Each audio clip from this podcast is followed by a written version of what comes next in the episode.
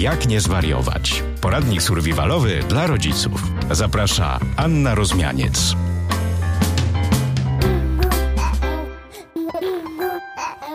Witam w kolejnym odcinku podcastu Jak nie zwariować, czyli poradnik survivalowy dla rodziców. E, dzisiaj moim gościem jest instruktor muzyk, człowiek orkiestra, czyli Remigiusz Wojciechowski, który będzie się starał być poważny dzisiaj, bo poważne rozmowy o muzyce. Cześć Remigiusz. Dzień dobry, witam.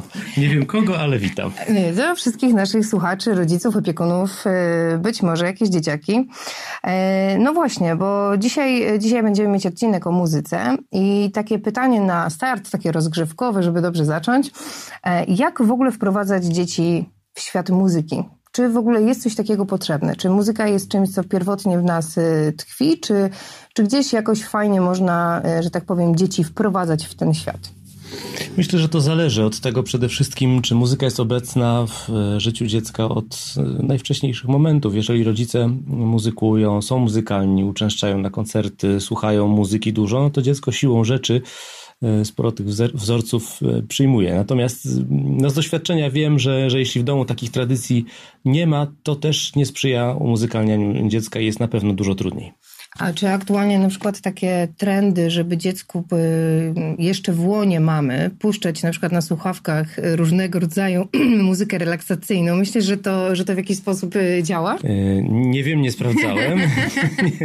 nie, nie sprawdzałem tego, natomiast y, no, źródła mówią, że działa. Źródła mówią, że tak, że, że, że im więcej tego jest w naszym otoczeniu, tym, tym, tym bardziej naturalne się to dla nas staje. A powiedz mi, a ty wychodzisz z, takiego, z takiej rodziny muzykalnej? W zasadzie nie, to znaczy... Znaczy to, jednak da radę się, że tak powiem, zainteresować muzyką i rozwinąć. Trochę. Trochę. Zainteresować bardziej, rozwinąć y, na pewno bardziej czasochłonne, y, bardziej pracochłonne i, i nie jestem przekonany co do rezultatów. Własnych, tak? Własnych, tak. Dlatego też najczęściej mówię o sobie, że jestem muzykiem pierwszego kontaktu. E, to znaczy? No to tak jak lekarz rodzinny, tak? Że po prostu jeżeli chcesz się czegoś dowiedzieć o muzyce i zdobyć jakieś podstawy, to przyjdź do mnie, ale jeżeli zobaczę, że, że masz duży talent e, i predyspozycję, wyślę do specjalisty. to bardzo ładne, to mi się bardzo podoba. E, no dobra, no ale generalnie właśnie powiedz mi, czy muzykę dzieci mają w sobie, bo mają jakby i w sposób taki naturalny się poruszają, tańczą, gdzieś reagują bardzo mocno na muzykę. Czy da radę i kiedy tak naprawdę stwierdzić, że dziecko ma predyspozycję, ma jakiś talent, y, że tak powiem, muzyczny? Y, kiedy to można u dziecka zobaczyć? Bardzo wcześnie. Takie elementarne odruchy, poczucia rytmu, jak to się mówi potocznie. Czyli jakby widać, że jeżeli kołysze się w rytm piosenki i robi to, że tak powiem, w tajmie, robi to w tajmie, to jest, to jest wszystko ok. To już są pierwsze takie symptomy. Natomiast są dzieci, które oczywiście reagują na, na zjawiska muzyczne, mhm. E, niekoniecznie adekwatnie do, do, do struktur muzycznych, które słyszą. Czyli po prostu wzbudza to w nich jakiś ruch, jakąś reakcję, tak? Natomiast jakby nie jest ona e, muzycznie podporządkowana. Niektórzy mają, mają trochę tego więcej, niektórzy mniej, co nie znaczy, że, u, że nie u każdego można pewne nawyki wyrobić, wypracować. No dobrze, no ale teraz y, z, z, jakim takim najmłodszym dzieckiem można na przykład pracować? No bo jest y, bardzo dużo takich zajęć y, dla dzieci, które nazywają się na przykład umuzykalnienie czy rytmika. I to są takie właściwie zajęcia już nawet dla dwu, trzylatków. Czy, czy, czy myślisz, że jest sens dla takiego właśnie malucha, żeby przychodzić na takie zajęcia i po prostu bawić się tą muzyką? Jeśli to jest zabawa, to tak. Mhm. Jeżeli to jest zabawa, to jak najbardziej, bo, mm, bo nie wyobrażam sobie wprowadzania y, elementów zainteresowania muzyką inaczej niż przez zabawę, y, zwłaszcza dla dzieci naj, najmłodszych, najmniejszych. Ja zresztą jestem zwolennikiem y, tezy i przekonany jestem o tym, że poprzez obcowanie z muzyką dostaną więcej niż przez naukę muzyki, rozumianej stricte. Mhm. A jak można, y, powiedzmy w domu, na przykład jesteśmy rodzicem i chcemy, stajemy na głowie, żeby to dziecko rozwinąć w każdą możliwą stronę, powiedzmy. Niektórzy Zależy. podobno tak robią, oczywiście. E, ale w jaki sposób można na przykład bodźcować jakby y, y, w tę stronę muzyczną? No bo generalnie muzyka, jeśli ona jest dobrze dobrana dla wieku dziecka, no to ona wpływa na tak naprawdę wiele sfer, bo nie tylko jakby rozwija ten talent powiedzmy muzyczny, ale i uwrażliwia i gdzieś rozładowuje emocje i działa w taki właśnie fajny, kojący sposób. Jak można na przykład na takim terenie domowym wprowadzać jakieś takie właśnie fajne, umuzykalniające zabawy? Czy, czy jakie są sposoby na to? E, trudno mi powiedzieć, bo akurat no, mój syn, że tak powiem, w pierwszym etapie swojego życia był raczej z dala ode mnie, więc nie miałem okazji tego robić. Natomiast, natomiast wydaje mi się, że szukanie muzyki we wszystkich zjawiskach, w tym, co jest dookoła, Czyli uwrażliwianie na to, że w zasadzie wszystko wydaje dźwięki, y, że wszystko ma swój rytm, tak naprawdę, że mnóstwo zjawisk jest poddawanych pewnemu y, porządkowi, zjawisk dźwiękowych. Y, uwrażliwianie na to wszystko, prowokowanie dziecka do, do powtarzania pewnych rzeczy, które się samemu robi, daje chyba najwięcej w moim odczuciu. No to w ogóle taka fajna też, wydaje mi się, że refleksja na temat świata, że właściwie świat y, składa się nie tylko z obrazów tego, co widzimy, bo wbrew pozorom zmysłu słuchu mm, nie mówi się o nim często. Znaczy mówimy cały czas, y, wszystko widzimy, oglądamy, jesteśmy w ogóle bombardowani dużą ilością obrazu.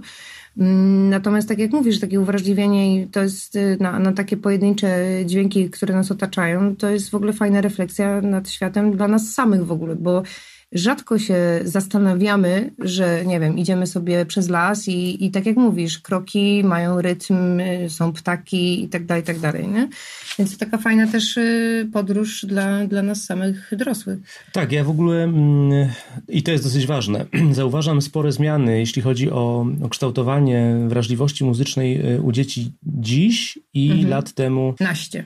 Kiedy, kiedy, ja, kiedy, ja sam, kiedy ja sam słuchałem. Ja słuchałem bajek y, na winylach, słuchałem bajek muzycznych. Mhm. Nie byłem jeszcze tak bombardowany y, poprzez bodźce wizualne, zwłaszcza, że telewizor, który miałem był monochromatyczny, jak dzisiaj się mówi, czyli po prostu czarno-biały, a, a przez większość czasu się psuł, ponieważ lampy się przepalały i były niedostępne. W związku z tym tak naprawdę adapter, jak się wtedy mówiło, i płyty winylowe z bajkami nagrywanymi przez znakomitych po, polskich aktorów z, ze znakomitą oprawą muzyczną, kiedy muzykę, oprawę tworzyli kompozytorzy, kiedy aranżacje były orkiestrowe, niesamowicie uwrażliwiało to na barwę przede wszystkim, czyli to wszystko, co dostaliśmy tak naprawdę dopiero z techniką nagraniową. Mhm. No bo musimy pamiętać, że jak się mówi, że, że, że, że tak uczymy dzieci czytać z nut i tak dalej, e, nuty nie powstały dlatego, że są takie super, tylko po prostu nie można było zarejestrować niczego w wersji brzmieniowej, czyli muzyki mhm. w jej istocie. Mhm. Ponieważ nie można tego było zrobić, trzeba było znaleźć język zastępczy i stąd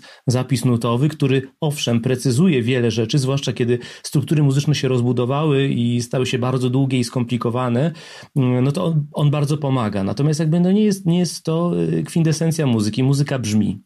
W związku z tym dopiero w momencie, kiedy można było ją y, zarejestrować w formie brzmieniowej, to tak naprawdę można było sobie, że tak powiem, odsłuchać, co kompozytor miał na myśli.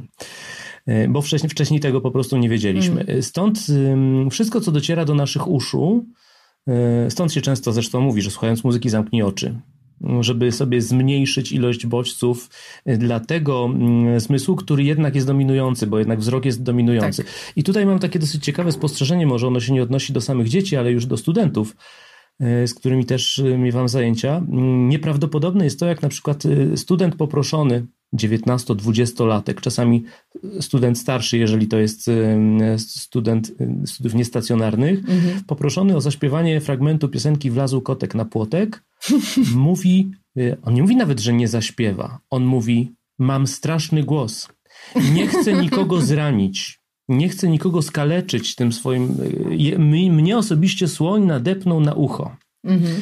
No i wtedy zadaję sobie pytanie, co się stało nie tak, że ktoś nie tylko, że jakby nie jest skłonny do interakcji, ale od razu pozycjon pozycjonuje siebie tak nisko. To jest mniej więcej tak samo, jakby, jakby sobie na przykład do, do, studentek, no to jest tak samo, jakby pani powiedziała, nie, ja się nie pokażę państwu, jestem tak brzydka, okropnie, tak niezadbana, że mógł to, mój widok mógłby państwa skaleczyć, albo mogłoby pęknąć mm -hmm. komuś lustro, albo szkło na przykład w, w smartfonie. Mm -hmm. I oni tak na mnie wtedy patrzą i się zastanawiają, ale, ale jak to? Ja mówię, no, no właśnie, przecież tego nie robicie z tym, co widać. Nie mówicie. Mhm. Macie lustro. Codziennie rano stajecie przed lustrem, nawet jeżeli tylko po to, żeby poprawić grzywkę. Ale czasami się wymalujecie, no, tak naprawdę dbacie o wygląd. Chcecie mieć kontrolę nad tym, jak wyglądacie. A czy odsłuchujecie się? Nie. Czy nagrywacie się?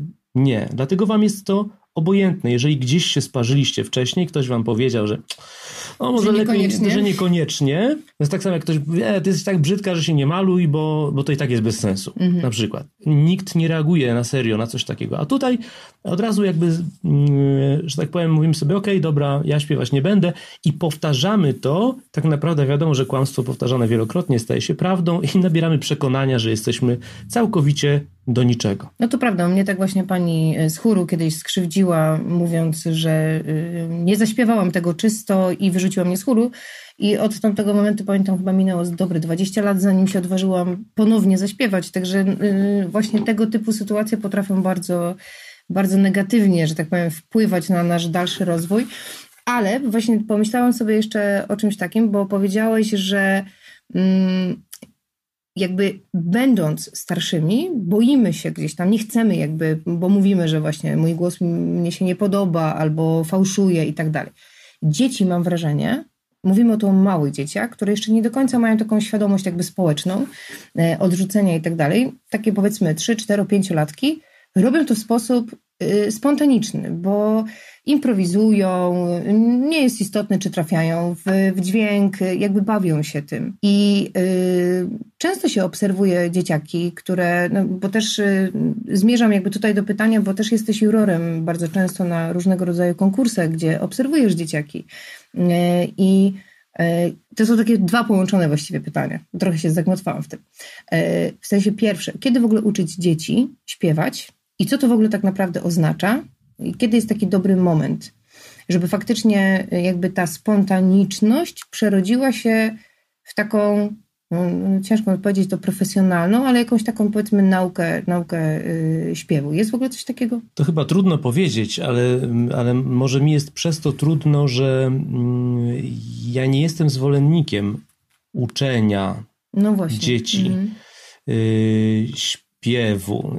Specjalnie, specjalnie mówię coraz wolniej, coraz dobitniej, bo, bo to tak mniej więcej jest. Ja, ja już się w swoim życiu bardzo dużo nasłuchałem i naoglądałem dzieci nauczonych śpiewu. No właśnie dlatego nie mogłam wybrnąć jakby z tego swojego mhm. pytania, bo, bo to są dwie rzeczy jakby powiązane, bo yy, często się zdarza, że właśnie przy, na powiedzmy, czy konkursach, występach, które powinny być czystą przyjemnością dla dziecka, yy, a z jednej strony dla y, słuchających widać, że po prostu jedno dziecko, nawet jeśli tam gdzieś coś po prostu nieczysto zaśpiewało, świetnie się tym bawi, robi to w sposób fajny, naturalny, a inne dzieci są takie bardzo, bardzo w tym poukładane i nie chcą wyjść jakby poza ten taki margines błędu. Nie? One często nie mogą wyjść poza ten margines błędu. Czemu?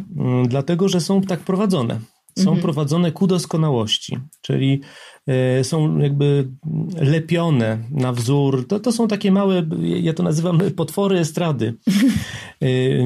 To są takie, można powiedzieć, zombie, monstra. Ja przeżywam straszliwe katusze, kiedy widzę dziecko w wieku 6 lat na przykład, czy 7 lat, które jest zrobione od początku do końca i prezentacja ma ma być adekwatna do, mhm. do profesjonalnej, dorosłej prezentacji scenicznej, na przykład nie wiem, na festiwalu w Opolu czy w no, Sopocie. Ale czym ona się, jak, jak to poznajesz? Czym, czym to się objawia? Przede wszystkim jakby tam nie ma niczego spontanicznego. Widać, że każdy ruch jest zaplanowany, dostosowany do tekstu, dostosowany do, do typu melodyki. Zazwyczaj wtedy widać, że mimika również jest całkowicie sztuczna.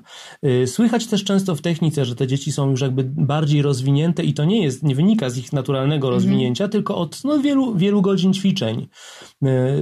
Są, są w tym tak potwornie z, z, związane i spięte, że nawet jeżeli taka prezentacja jest doskonała, można powiedzieć, to ja się zazwyczaj męczę. Ja doceniam ogromną pracę, która została mhm. włożona, natomiast jeśli nie widzę radości u dziecka, to wydaje mi się, że została ona zupełnie bez sensu zrobiona. Czyli jednak y, y, bardziej zwracasz uwagę na tą właśnie taką spontaniczność, radość, naturalność. Ja zdecydowanie, y, dlatego że, że dla mnie jest to, y, to jest, zwłaszcza u, u dzieci małych, tak naprawdę nie możemy od nich oczekiwać, że one będą profesjonalne. Po to się profesjonalizujemy całe życie, mhm. aż do wieku dorosłego, żeby wtedy wyjść, że tak powiem, w pełni ukształtowanym.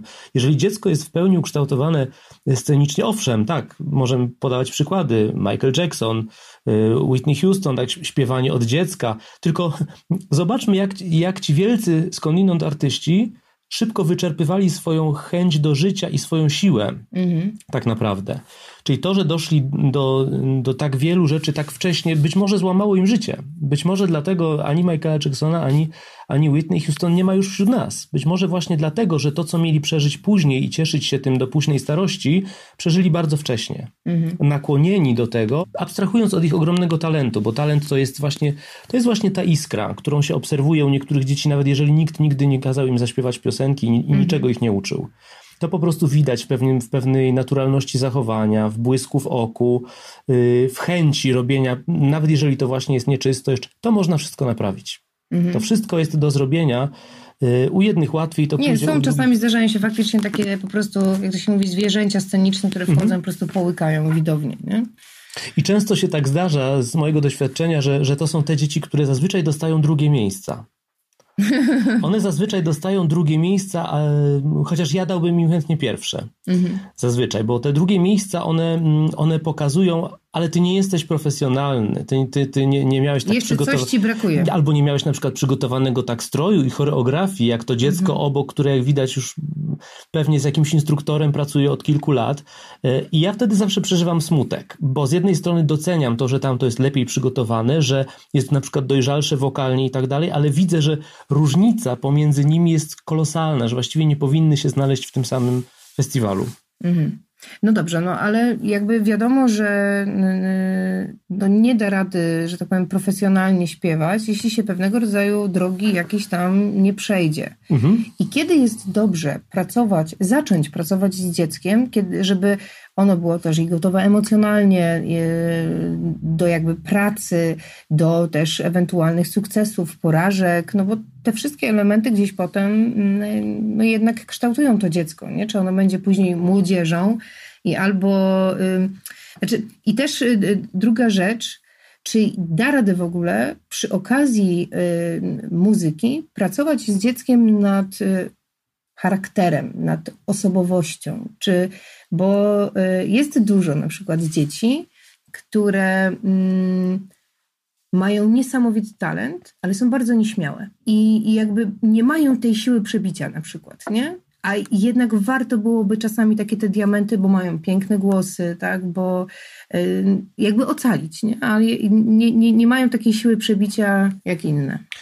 No teraz poruszamy poruszamy taki dosyć głęboki temat. Głęboki temat, bo to są dwie zupełnie różne rzeczy często. Mhm. Predyspozycje psychiczne, y, osobowościowe do tego, żeby wykonywać zawód muzyka, a z drugiej strony jakby, no właśnie, predyspozycje czysto takie techniczne, można powiedzieć, instrumentalne. Głos jest instrumentem, którego nie możemy wymienić. To jest y, ta wada głosu.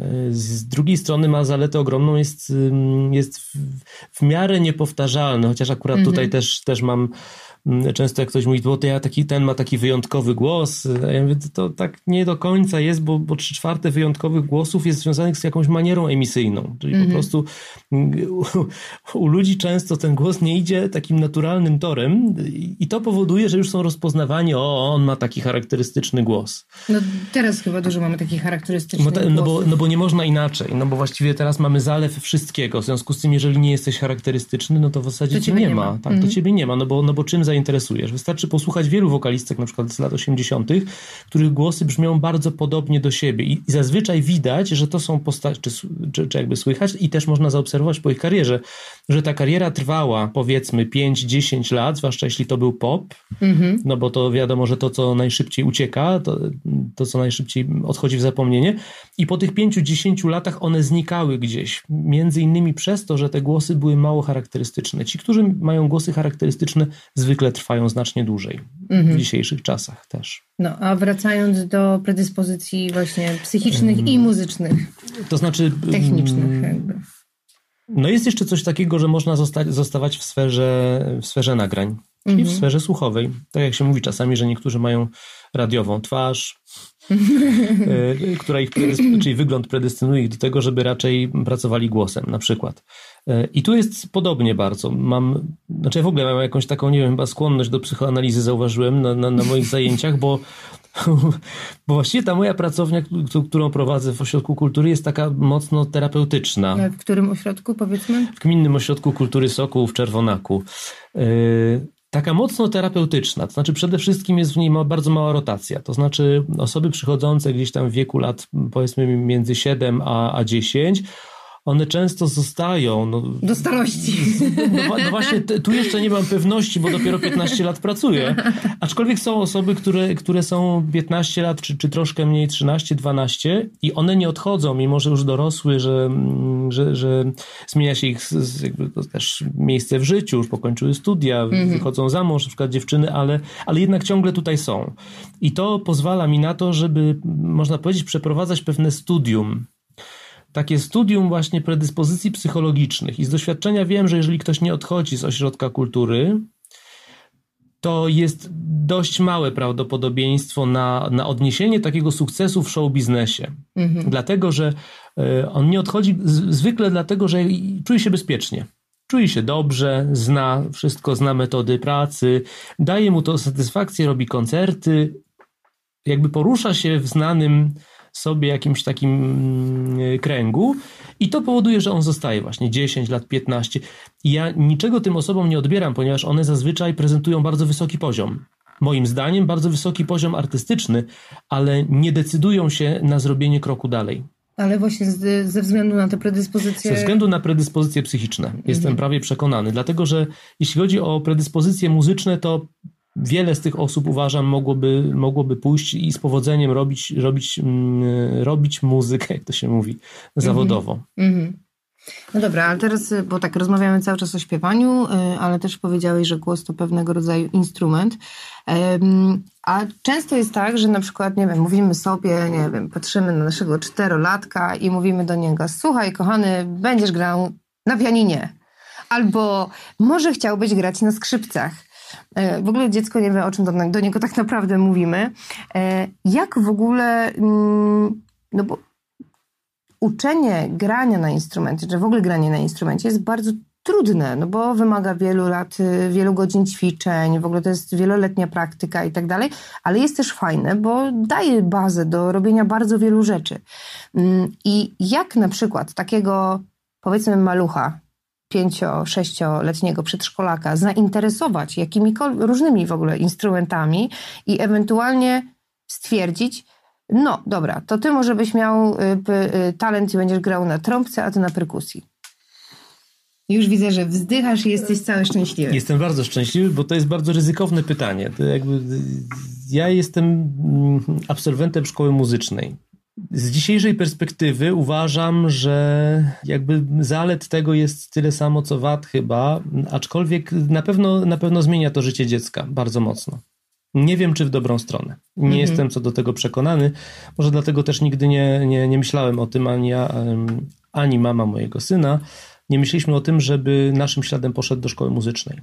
Ale to raczej w sensie mówi, że na przykład fajnie jest łączyć normalną tak zwaną edukację y, i ewentualnie ognisko muzyczne, czy dodatkowo szkołę muzyczną, a nie taką stricte sprofilowaną. Tak, zdecydowanie, dlatego że y, no w ogóle to jest duże ryzyko profilowania dziecka w tak młodym wieku. Mhm. Jeżeli, y, jeżeli wykazuje zainteresowanie ewidentne, czyli na przykład widać, że go ciągnie do tego, na przykład, nie wiem, że właśnie szuka dźwięków, że wystukuje sobie rytmy, jakby nie, nie szuka do tego instrumentów muzycznych, mhm. nie mówi, mamo, potrzebował potrzebowałbym werbla e, i wtedy ja bym sobie poćwiczył tutaj, takie fajne są ćwiczenia tutaj. No ja właśnie z tego mojego mhm. najmłodszego syna chyba zapiszę kiedyś na perkusję, bo on weźmie cokolwiek do, do, do, do, do ręki i po prostu stuka po wszystkim. Nie? No, jakby, no tak, no, czucie rytmu jest prymarne, więc jakby też w, w, w edukacji muzycznej y, zaczynamy od, przepraszam, tak normalnie w edukacji ogólnokształcącej zaczynamy, jeśli mówimy o treściach muzycznych, to zaczynamy od instrumentów zestawu Orfa, czyli instrumentów perku perkusyjnych niemelodycznych najpierw, a później mm. melodycznych, takich jak dzwonki. A dlaczego? Dlaczego? Dla, dlatego, no, że właśnie ruch jest czymś, czymś absolutnie prymarnym i potrzeba ruchu i potrzeba systematyzowania y, otaczających zjawisk dźwiękowych pod względem długości, powtarzalności, mm. jakby jest, jest w nas prymarna to jest zupełnie podstawowe. Jeżeli przechodzimy do y, różnicowania dźwięków wysokościowo, no to chcemy to zrobić najpierw śpiewem. Mhm. No bo, bo tam mamy możliwość. I tutaj stykamy się z pierwszym problemem, to jakby z koordynacją słuchową. Czy my rzeczywiście powtarzamy te melodie, które słyszymy tak jak one zostały, jak one wybrzmiały, czy też pojawiają się jakieś krzywizny. I tak na przykład po tym możemy rozpoznać, jakiego typu słuch muzyczny, czy jak, jakiego mm -hmm. typu predyspozycja w dziecku się budzi, więc to śpiewanie jest nieodzowne. Jakby, jakby poczucie rytmu to jest pierwsza rzecz, ale druga jest to, że jeśli on zacznie śpiewać, to my będziemy mniej więcej słyszeli, na, w jaki sposób kształtuje się jego słuch wysokościowy, a to będzie z kolei nas y, kierowało do tego, jaki potencjalnie instrument mo można mu zaproponować. Jeżeli dziecko będzie herlawe i słabowite y, i delikatne bardzo, no, raczej nie będziemy myśleli o instrumentach dętych blaszanych. Kiedyś zresztą, chociaż z drugiej strony pojawiły się też nowe, nowe koncepcje, bo kiedyś było tak, że w szkole muzycznej tak naprawdę dęciacy tak zwani byli wychowywani dopiero od, po szóstej klasie szkoły podstawowej, czyli wtedy mhm. można było wybrać instrument denty. W tej chwili na przykład się mówi, że rozpoczęcie gry na trąbce przez dziecko starsze niż 5 lat jest ryzykowne, bo siedmiolatek nie ma już tej naturalnej, tego naturalnego napięcia mięśniowego, którą, które ma pięciolatek. Aha. Czyli jeżeli chcemy na przykład, żeby wypracować pewne nawyki oddechowe u dziecka pod kątem późniejszej gry na trąbce, to lepiej zacząć jak ma 5 lat niż jak ma 7 ale to są. Mm, no, tylko, że, no właśnie, ale to są, to są jakby te rzeczy, które. Mm, no tak, ale jeszcze musielibyśmy stwierdzić, że pięciolatek no chce grać na puzonie, no trąbce no czy waltorni. No nie? właśnie, oczywiście możemy wszystko potraktować jako przygodę, jako epizod. No ale tu mam też doświadczenia rodzinne, to mogę przytoczyć chyba, nie wiem, kuzyn się nie obrazi, mam nadzieję, może nie będzie Pozdrawiamy. słyszał. Pozdrawiamy. tak, mojego, mojego ukochanego kuzyna. Otóż y, sam mm, jest starszy ode mnie od 3 lata, poszedł do szkoły muzycznej, y, chciał grać na pianinie, ale kiedyś zupełnie inne zasady funkcjonowały. Ktoś stwierdził na, na, wstępnych, na wstępnym egzaminie, że ma doskonały słuch, że w zasadzie ma nawet słuch absolutny, chociaż nie każdy wie, że słuch absolutny jest upośledzeniem. tak, zaraz zresztą do tego wrócimy. I stwierdził, że skoro tak ma słuch... Czyli się nie chwalimy tym, a teraz y, mój, moje dziecko ma słuch absolutny, to tak, no, jest tak... To, to, nie musi być, to znaczy... nie no, już tak, się, oczywiście. Nie? To zaraz jeszcze do tego może wrócimy, ale chodzi o to, że chciał grać na pianinie, ale został posłany na mm, instrument wiodący skrzypce, ponieważ stwierdzono, że ma doskonały słuch. Mhm. A to będzie oznaczało, że na instrumencie, w którym nie ma dźwięków podpisanych pod klawisze, tylko będzie po prostu musiał je znaleźć wysłyszeć. i wysłyszeć, no to będzie w tym lepszy. Mm, przez trzy lata powtarzał, że, że, że nie chce grać na skrzypcach i po trzech latach po egzaminie jego prowadzący powiedział mu, spełniło się twoje marzenie, już nie będziesz grał na skrzypcach. E, I mój kuzyn ze słuchem absolutnym zakończył swoją przygodę z muzyką, wspaniale śpiewa do dzisiaj, ale został, mm, e, że tak powiem, skończył technikum geodezyjno-drogowe, potem Politechnikę, projektuje drogi. Śpie śpiewająco. Śpiewająco, świetnie śpiewa, zresztą ma doskonałe predyspozycje, ale do muzyki nie wrócił. Ale dlaczego o tym mówię? Ponieważ lat temu 12, kiedy jego syn skończył 7 lat, postanowił zrobić coś dobrego i widząc w nim predyspozycje muzyczne, zapisał go do szkoły muzycznej. Na skrzypce. Nie, ale syn chciał, syn chciał grać na gitarze, ale okazało się, że na gitarę nie ma miejsc i została wiolonczela. No to piękna tak, historia. Tak, piękna historia, trwała 6 lat. Tym razem tak, mój, mój cioteczny bratanek dłużej wytrzymał, skończył y, szkołę muzyczną pierwszego stopnia na wiolonczeli i odłożył ją. Aha.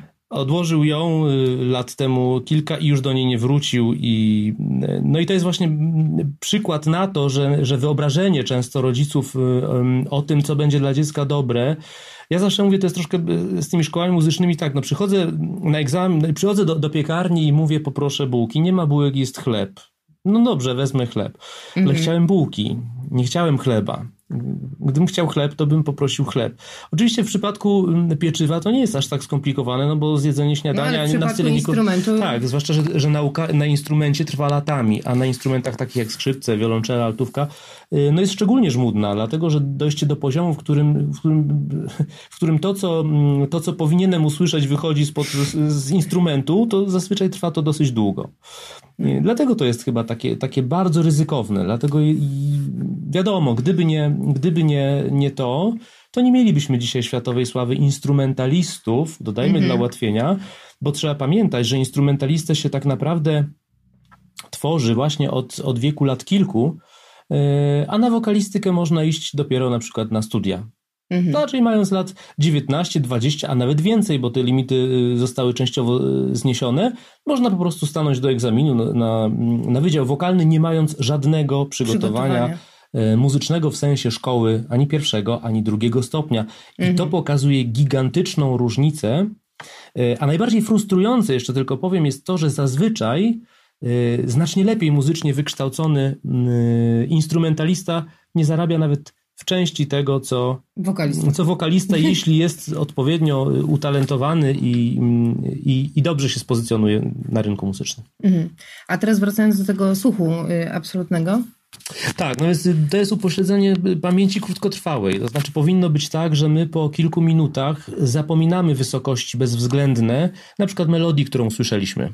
Mhm. Y, tak powinno być. Y, co pozwala nam na przykład chwycić rozstrojoną gitarę i zestrajając struny między sobą na słuch, spowodować, że ona będzie stroiła. My dokładnie nie wiemy, czy ona jest nastrojona na te dźwięki, które powinny podręcznikowo wystąpić, ale nam mhm. to nie przeszkadza. Nasz głos też jest w pełni pod tym względem fleksybilny i tak mhm. naprawdę czy, czy my zaczniemy ćwierć tonu wyżej, czy, czy, czy troszeczkę niżej, to nam nie zrobi żadnej różnicy. Ważne, żeby zachowywać relacje względne pomiędzy dźwiękami, bo wtedy tworzymy mhm. linię melodyczną i wtedy jest wszystko ok, wszyscy się świetnie bawią. Jeżeli mam słuch absolutny, i e, bawię się w muzykę i nauczono mnie bezwzględnych wysokości, ja przyjąłem bezwzględne wysokości dźwięku i ja zawsze już będę je miał w mózgu, będę, będę je pamiętał, bo moja pamięć krótkotrwała ich nie wyrzuca. Mhm. Co powoduje, że jeżeli ktoś będzie grał na, na gitarze ciut niżej, to to będzie jedyna osoba, która to będzie słyszała i będzie cierpieć.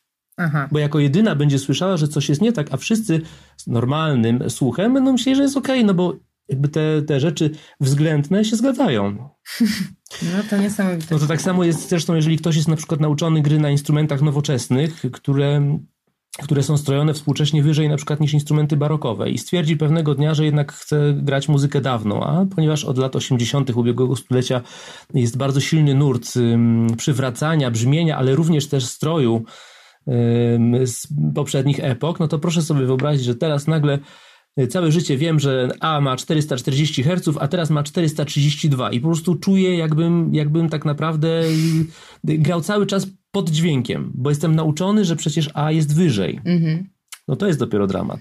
Więc ten słuch no, no, absolutny no. z jednej strony, tak, jeżeli się prowadzi chór, oczywiście bardzo pomaga. Jeśli chór śpiewa a cappella, no to wtedy dyrygent, który, który ma słuch absolutny, on słyszy, czy chór zjeżdża, czy chór idzie do góry jest w stanie to wtedy skorygować, bez kamertonu nawet. Natomiast w innych przypadkach to często Trochę bywa, przeszkadza. czasami może przeszkadzać, tak. No, no, no. A, bo tak sobie cały czas krążymy wokół tego y, tematu muzyki i też edukacji. No ale okej, okay, no mamy na przykład w domu dzieci, które no, nie wykazują, nie chcą, jakby nie są zainteresowane śpiewaniem, graniem na jakichkolwiek instrumentach, co nie oznacza, że nie należy je uwrażliwiać. Generalnie na sztukę, w tym, w tym też muzykę. E, co puszczać w ogóle dzieciakom? Bo to jest, e, wiem, że ty e, lubisz operę i w ogóle generalnie piosenki włoskie, gdzieś to jest tobie bliskie. Myślisz, że mógłbyś zainteresować na przykład swojego syna tego typu muzyką?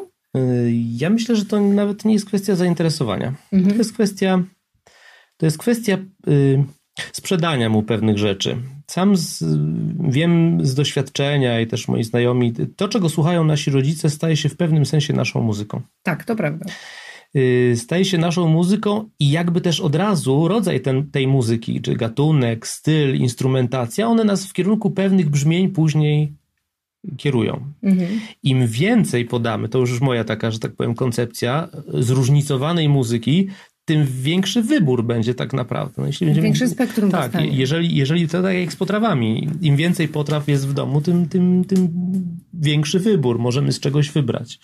E, ja na przykład muzykę, muzykę której słucham, dzisiaj właściwie z domu raczej nie wyniosłem. Z domu raczej nie wyniosłem, bo, bo u nas w ogóle się bardzo mało słuchało muzyki. Właściwie raczej to, co to na przykład co nadawało radio, to, to co nadawała telewizja, to, to, to było to, z czego ja musiałem sobie czegoś poszukać. Bo szkoła muzyczna bardzo mocno kierunkowała. Szkoła mhm. muzyczna bardzo mocno kierunkowała tak naprawdę w latach 80. poprzedniego stulecia nie istniało coś takiego w szkole muzycznej jak muzyka rozrywkowa, nawet jazz. Mhm. Jazz, który już miał prawie 100 lat y, czy 100 lat y, tradycji, nadal był uważany za, za szczyt awangardy i tego po prostu się nie robiło. Znaczy szczerze powiedziawszy, ja czasami słucham jazzu, to mam wrażenie, że on nadal jest szczytem awangardy. Ale, ale on, tak, tylko że on się przez, przez 100 lat rozwijał. on no ma tak, też bardzo tak, różne, różne, gatunki, więc no. też zależy jakiego jazzu słuchamy. Natomiast y, chodzi o coś innego, że, że, że, że to szkolnictwo muzyczne bardzo długo trwało w takim jakimś... Y, bardzo klasycznym? Strasz, straszliwym skansenie, bo jazz dzisiaj też jest klasyczny. Mhm. Coś, co ma 100 lat i utrwaliło się, to już jest klasyka też. Y, tak samo jak rock and roll, można powiedzieć, jest klasyczny. Elvis Presley jest klasyczny. Y, to wszystko staje się symbolem pewnego czasu i, i, i wzbogaca nasze dziedzictwo kulturowe. Im więcej dzieciom tego sprzedamy, tym lepiej. No, i... no tak, no ale generalnie yy, powiedzmy, no dzieciaki często jakby sięgają na przykład czy na telefonie, czy na y, tabletach, słuchają różnego rodzaju muzyki i piosenek, y, które są adresowane jakby tak dla określonego wieku y, i one są bardzo różnej jakości. Już pomijam różnej jakości w sensie i warstwy tekstowej, że właściwie czasami ja sama nie wiem po co i o czym jest ta piosenka i co ona tak naprawdę mojemu dziecku jeszcze ma dać. Są bardzo różnego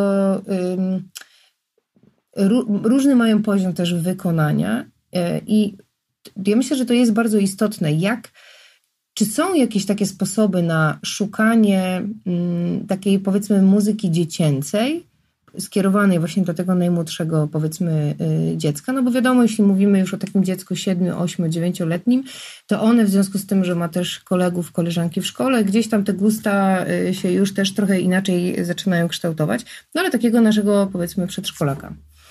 Czy są jakieś takie, y, jak, jak szukać, jak stwierdzić jako rodzic, który jest y, absolutnie nie jest wykształconym na przykład muzykiem, co mogłoby być fajne? No bo na przykład, no nie wiem, no jest piosenka Cztery Słonie, powiedzmy, która ma 300 możliwych wykonań.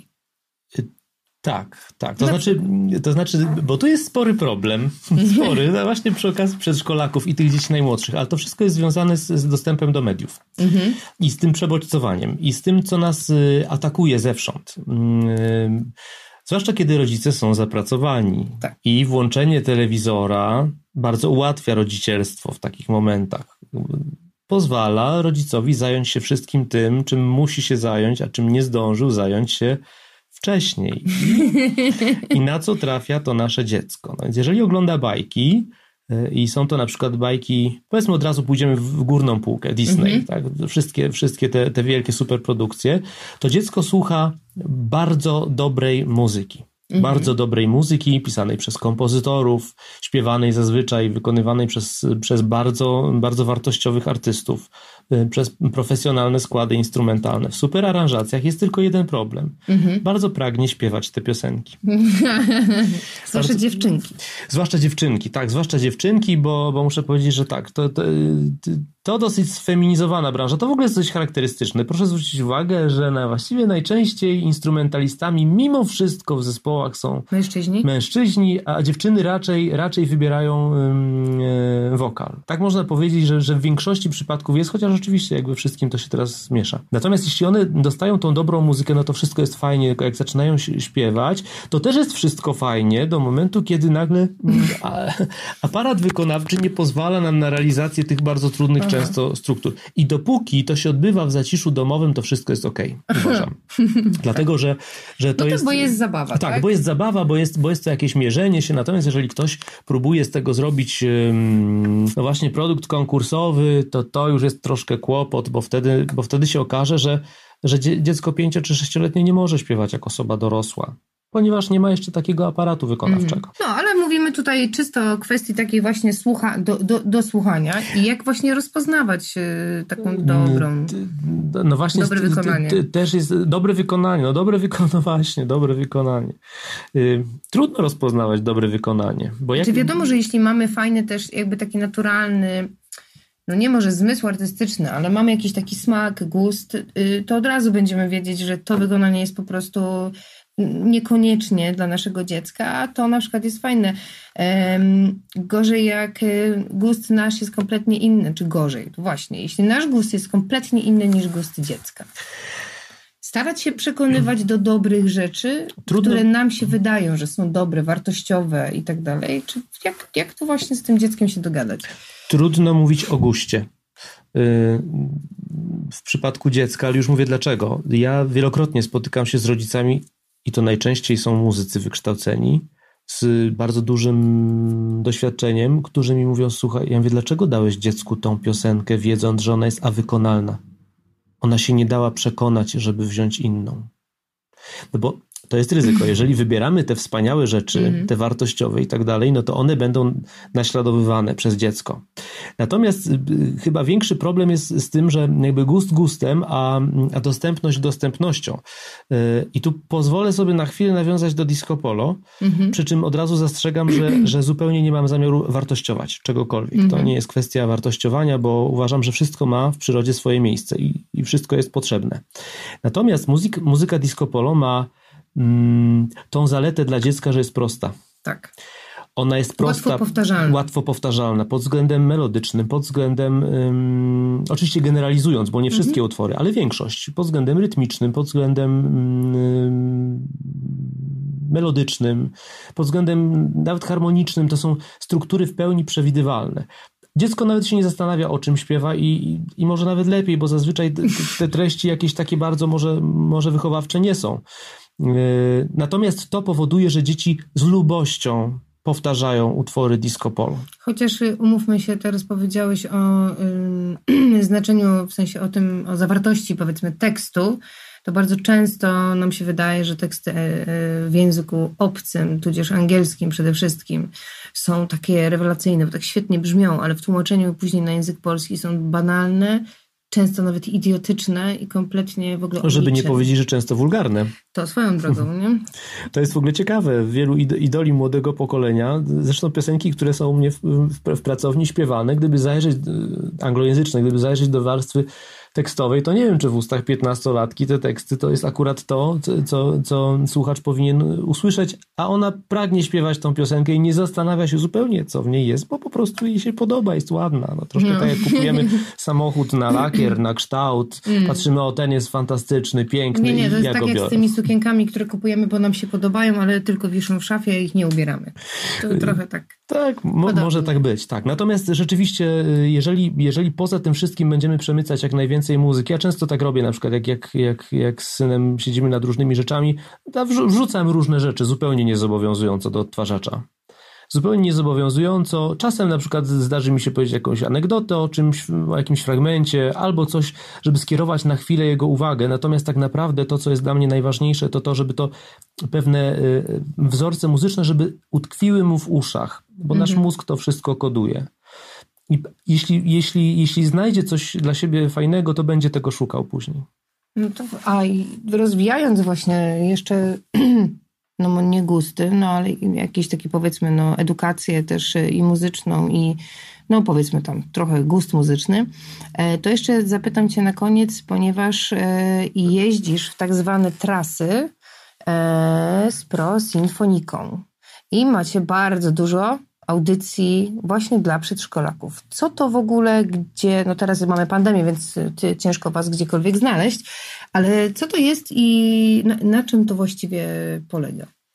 No, ruch jest e, zapoczątkowany ponad 50 lat temu przez Alojzego Andrzeja Uczaka twórcę prosymfoniki. No ruch fantastyczny, ponieważ miał młodym ludziom właśnie sprzedawać muzykę klasyczną. Mhm. To się bardzo rozwinęło, bardzo rozrosło, czego najlepszym dowodem jest to, że w Wielkopolsce biur koncertowych tak zwanych, które zajmują się edukacją muzyczną jest bardzo wiele.